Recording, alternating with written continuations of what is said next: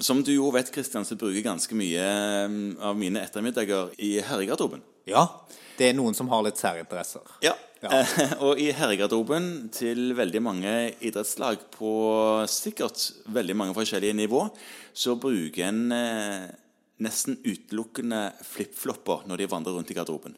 Ja. Ja. Det er jo ikke bare fordi at det er ultrakult å gjøre. Nei. Det handler òg om profylakse Ok. mot andre folks fotmiljø. Ja. Er det Og da- mikrober, dette, av ymse karakter? Det er det jeg tenker på. Ja. Og det er ikke sånn eh, luktsmitte jeg tenker på. Det er mer eh, en viral eh, komponent jeg er Ja, ute etter eh, akkurat. å knipe denne gangen. Ja. Det er da den berømte fotvorten. Det er den berømte fotvorten, ja, som eh, fort kan dukke opp eh, dersom en vimser rundt barbent der veldig mange andre gjør det. Ja.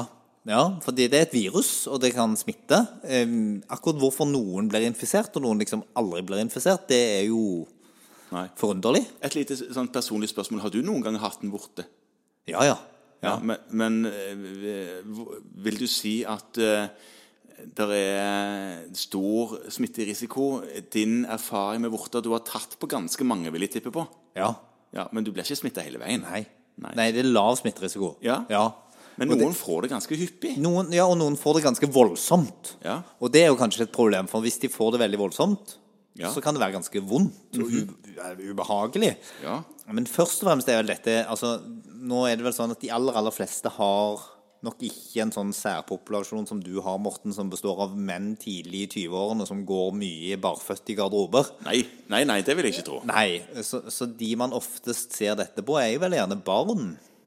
Ja, enig i det. Ja. Eh, barn, ja. Og da er det jo ofte Eller noen ganger så syns barnet sjøl at dette her er det er vondt faktisk Ja. Mhm. å trø på, eh, hvis det er på hælen eller på stortåen. Ja. Men vel så ofte så er det en kosmetisk sak som mer mor og far eh, gjerne vil ha bukt med. Ja, og så, så er det jo da vorter på hender og vorter på føtter, og, og bortsett fra kanskje noen ting om noen virusstammer, så er det samme greia. Altså det er et virus, et Ja. humant papillomavirus, som infiserer hudceller og gjemmer seg for immunforsvaret. Og nå er vi jo inne på litt av disse tingene som gjør at man kanskje ikke alltid får residiv, og det er noe om at kroppen av og til kan kjenne igjen og finne ut at hm, det er noe muffens med disse cellene allikevel. Ja. Men før det så må det jo ofte behandles, og da er det så ofte sånn at det har vært prøvd eh, forskjellige kreative ting. Ja, man har, man har jo smurt på alskens greier opp igjennom. Ja. I forsøk på å eh, få, få bort driten. Eh, Og det vi kan si, er at veldig mye fungerer superbra, altså på nivå med placebo. Ja, og det er jo ikke alltid til å kimse av. Nei, Nei. nei, nei altså eh, placebo gjør vel i det minste at man holder ut. Ja, fordi det, det er jo noen ganger sånn at denne vorten blir lei og finner på noe annet å gjøre. Ja. Ja. For eksempel at kroppen finner ut av det og, og fjerner den. Så de fleste barn opplever jo De fleste barn opplever, men, men veldig mange av de barna opplever jo at vortene plutselig forsvinner. Ja. Som dugg for solen. Jo da. Og det, det ja. må være en immunologisk respons som gjør det. Det er ikke noe sånn kollektivt virusselvmord. Nei, nei da. Det er nok eh, immunforsvaret som får nyss i at det allikevel er noe her, ja. Men hva gjør du når de kommer til deg, da? Jeg jeg starter jo ofte med å høre hva de sjøl har prøvd, for de har jo ofte prøvd noe. Ja. De har vært innom apoteket og fått f.eks. vortefri, Ja. som man får kjøpt reseptfritt. Ja. Og i gamle dager så var det noe som heter potofilintoksin. Ja. Og det er vel noe av det som er i vortefri, uten at jeg er helt sikker. Tror det er noe av det samme. Nå er vi Ja. på litt sånn tynt grunnlag, men, Men eh, noe av det, sa- et, ja. et eller annet toksin iallfall, som eh, Hvor tanken er at eh, når immunforsvaret ikke klarer å finne dette, her, så får vi drepe det med lut. Ja. Ja, og nå er vi inne på det neste, fordi at noen, noen kreative sjeler som har eh, en far som har jobba i industrien, har kanskje hatt noe syre liggende.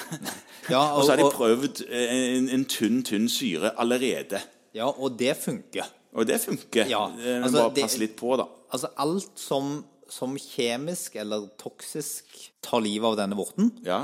det virker. Så, så når man ser på medikamentell behandling inne på, på NEL f.eks., så vil man ofte foreslå salicylsyre. ja. Ja. Og det som er fint med salicylsyre, er ikke det òg at den myker opp og smuldrer bort Jo. huden rundt? Så. Så, eh, så det kan man forsøke, og det har en del forsøkt. Og så er det, altså Maursyre har vært forsøkt, da, men, men da må man passe på å ikke duppe foten nede i den tønna. Nå, nå er du nok på en gård, Jaha. eh, men, men dryppe litt grann på. Mm. Eh, Men det mange driver med, og sikkert dere på Stavanger medisinske senter Det også er batterisyre. Nei da, det er jo ikke Det det. er ikke batterisyre, nei.